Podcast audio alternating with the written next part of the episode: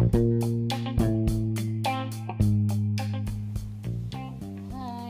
ketemu lagi dengan saya Diana. Saya SDP 5 angkatan tahun 2019. Di sini saya akan merangkum dari tiga public speaking yang sudah tadi saya dengar. Yang pertama adalah mindfulness at work dari Aji Santoso Putro.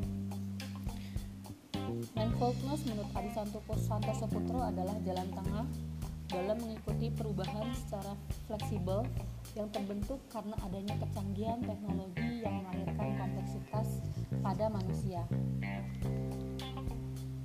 Mindfulness sendiri itu melatih kita untuk menerangkan pikiran dan melatih kita menciptakan jeda untuk bisa mendukung kewarasan dalam pola pikir.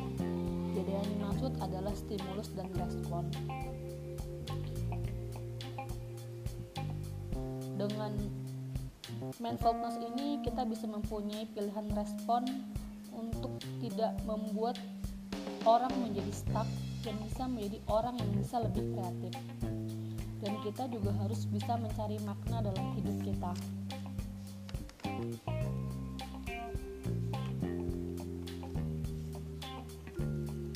Menurut Aji juga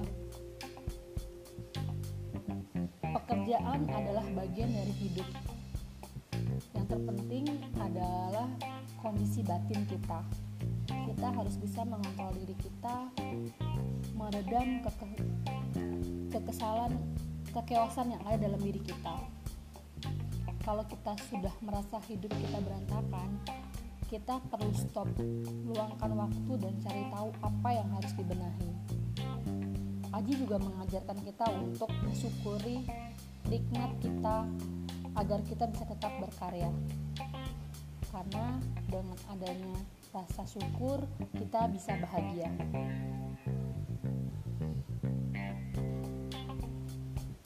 Lalu saya akan uh, yang kedua tentang bahan bakar di balik kesuksesan menurut Alexander Siwiono salah satu founder of Daily Meaning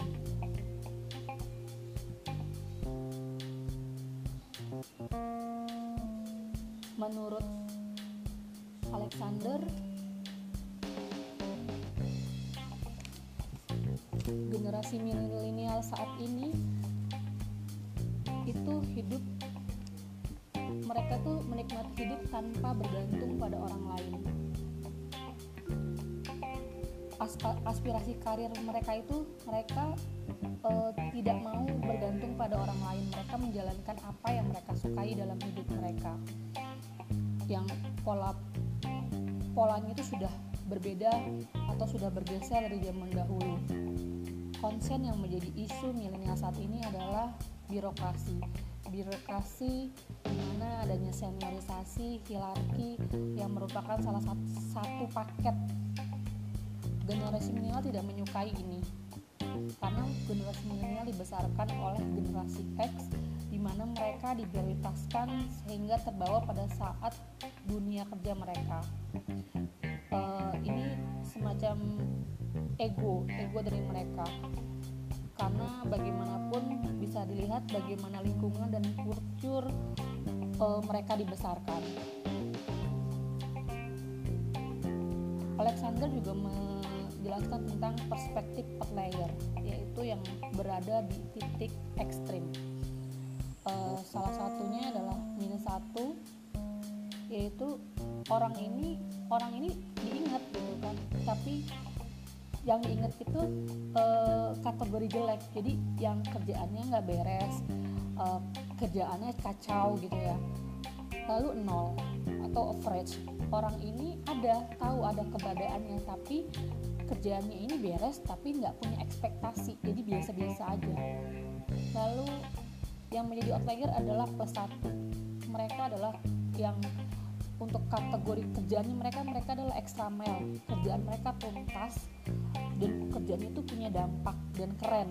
Dan generasi milenial ini adalah e, cenderung menyukai untuk bisa menjadi outlier. Karena mereka ingin diakui keberadaannya. Alexander juga menjelaskan e, bahan bakar yang terpenting dalam kesuksesan adalah karakter kita dan cara kita berpikir. Lalu yang ketiga, uh, leading with courage to solve problem dari Sylvia Halim. Sylvia Halim ini adalah salah satu direktur konstruksi, uh, dia adalah direktur konstruksi di MRT. Satu perempuan hebat yang bisa menjadi leader Sylvie Halim sangat menyukai kolaborasi. Dia fokus pada tujuan. Dia juga menjadi uh, seorang pemimpin yang good listener. Dia senang uh, mendengarkan uh, apa yang menjadi keluhan dari uh, bawahannya. Walaupun kadang-kala karena dia sebagai uh, leader perempuan dia merasa kadang suka menemui beberapa diskriminasi yang diskriminasi yang dia terima. Tapi dia tidak pernah ambil pusing atau ambil hati tentang uh, tentang diskriminasi itu. Dia akan tetap fokus pada tujuannya. Prinsip hidupnya adalah kita uh, harus bisa membangun trust pada anggota tim menurut Sylvia Halim Sylvia Halim juga belajar itu untuk bisa melihat kesempatan dan, memanfaatkan kesempatan yang ada sebaik-baiknya. Perempuan itu harus bisa berkontribusi di segala bidang. Karena perempuan tidak boleh diremehkan.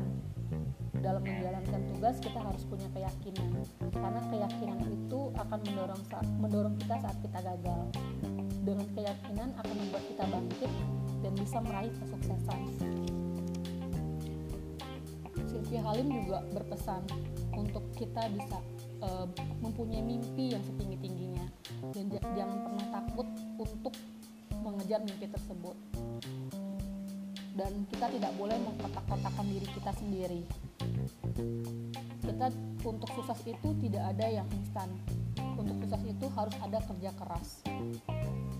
Dan jika kita memang sudah diberikan kelebihan oleh Tuhan kita harus bisa memanfaatkan kelebihan itu sebaik mungkin. Dan kelebihan itu berguna dan manfaat bagi orang lain. Demikian rangkuman yang saya bisa berikan saat ini. Semoga bermanfaat. Terima kasih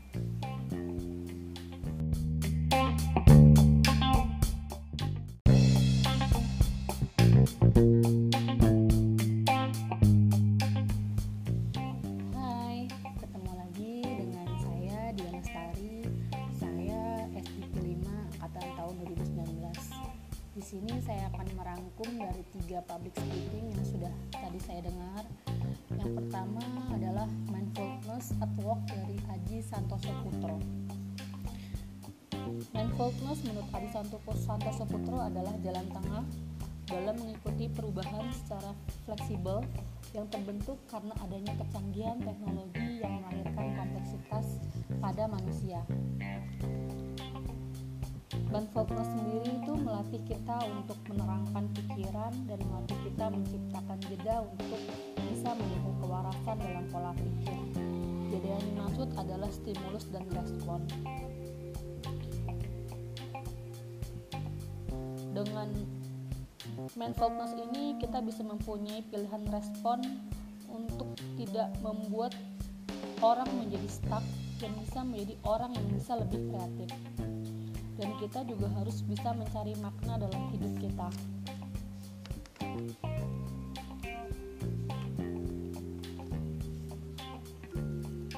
Menurut Aji juga,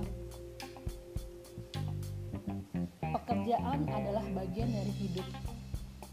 Yang terpenting adalah kondisi batin kita. Kita harus bisa mengontrol diri kita, meredam keke kekesalan kekeosan yang ada dalam diri kita. Kalau kita sudah merasa hidup kita berantakan, kita perlu stop, luangkan waktu dan cari tahu apa yang harus dibenahi. Aji juga mengajarkan kita untuk mensyukuri nikmat kita agar kita bisa tetap berkarya. Karena dengan adanya rasa syukur, kita bisa bahagia.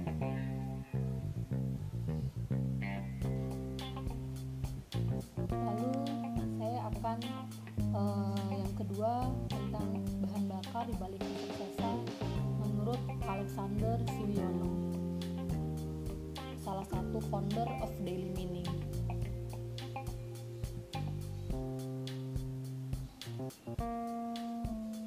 Menurut Alexander,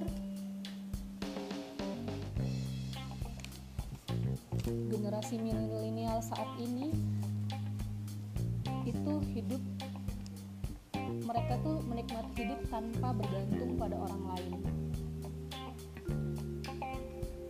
aspirasi karir mereka itu mereka uh, tidak mau bergantung pada orang lain. Mereka menjalankan apa yang mereka sukai dalam hidup mereka. Yang pola polanya itu sudah berbeda atau sudah bergeser dari zaman dahulu.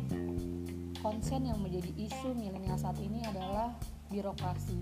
Birokrasi di mana adanya seniorisasi, hierarki yang merupakan salah satu, satu paket generasi milenial tidak menyukai ini karena generasi milenial dibesarkan oleh generasi X di mana mereka diprioritaskan sehingga terbawa pada saat dunia kerja mereka.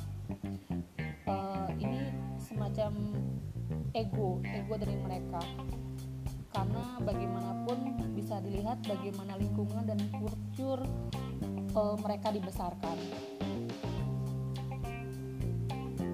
Alexander juga menjelaskan tentang perspektif per layer, yaitu yang berada di titik ekstrim.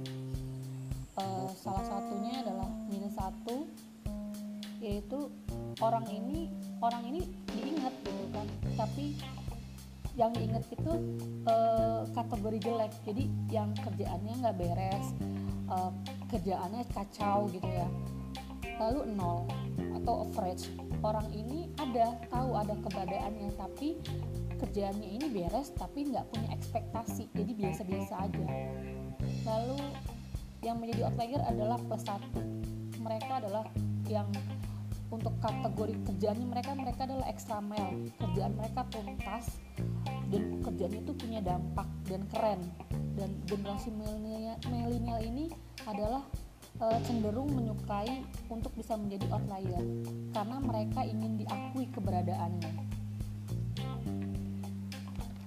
Alexander juga menjelaskan e, bahan bakar yang terpenting dalam kesuksesan adalah karakter kita dan cara kita berpikir.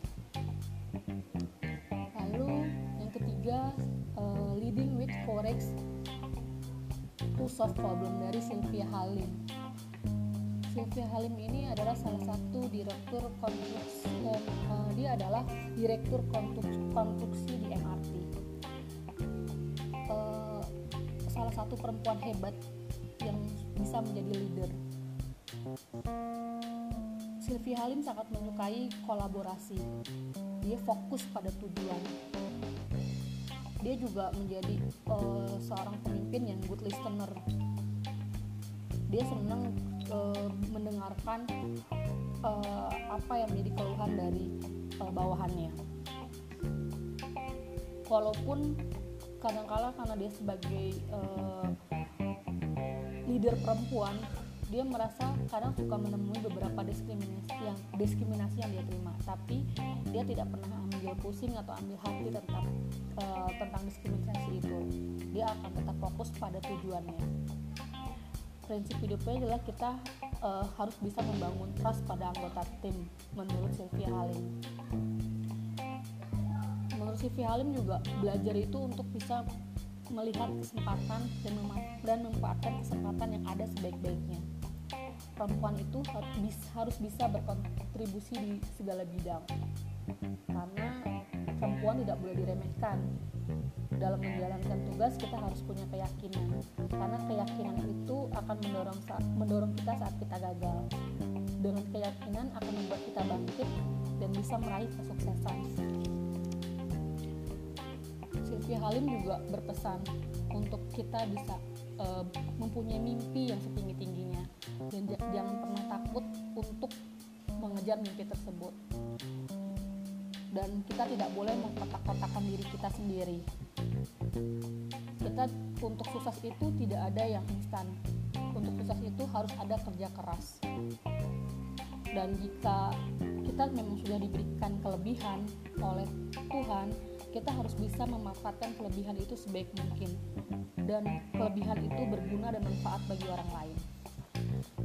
Demikian rangkuman yang saya bisa berikan saat ini. Semoga bermanfaat. Terima kasih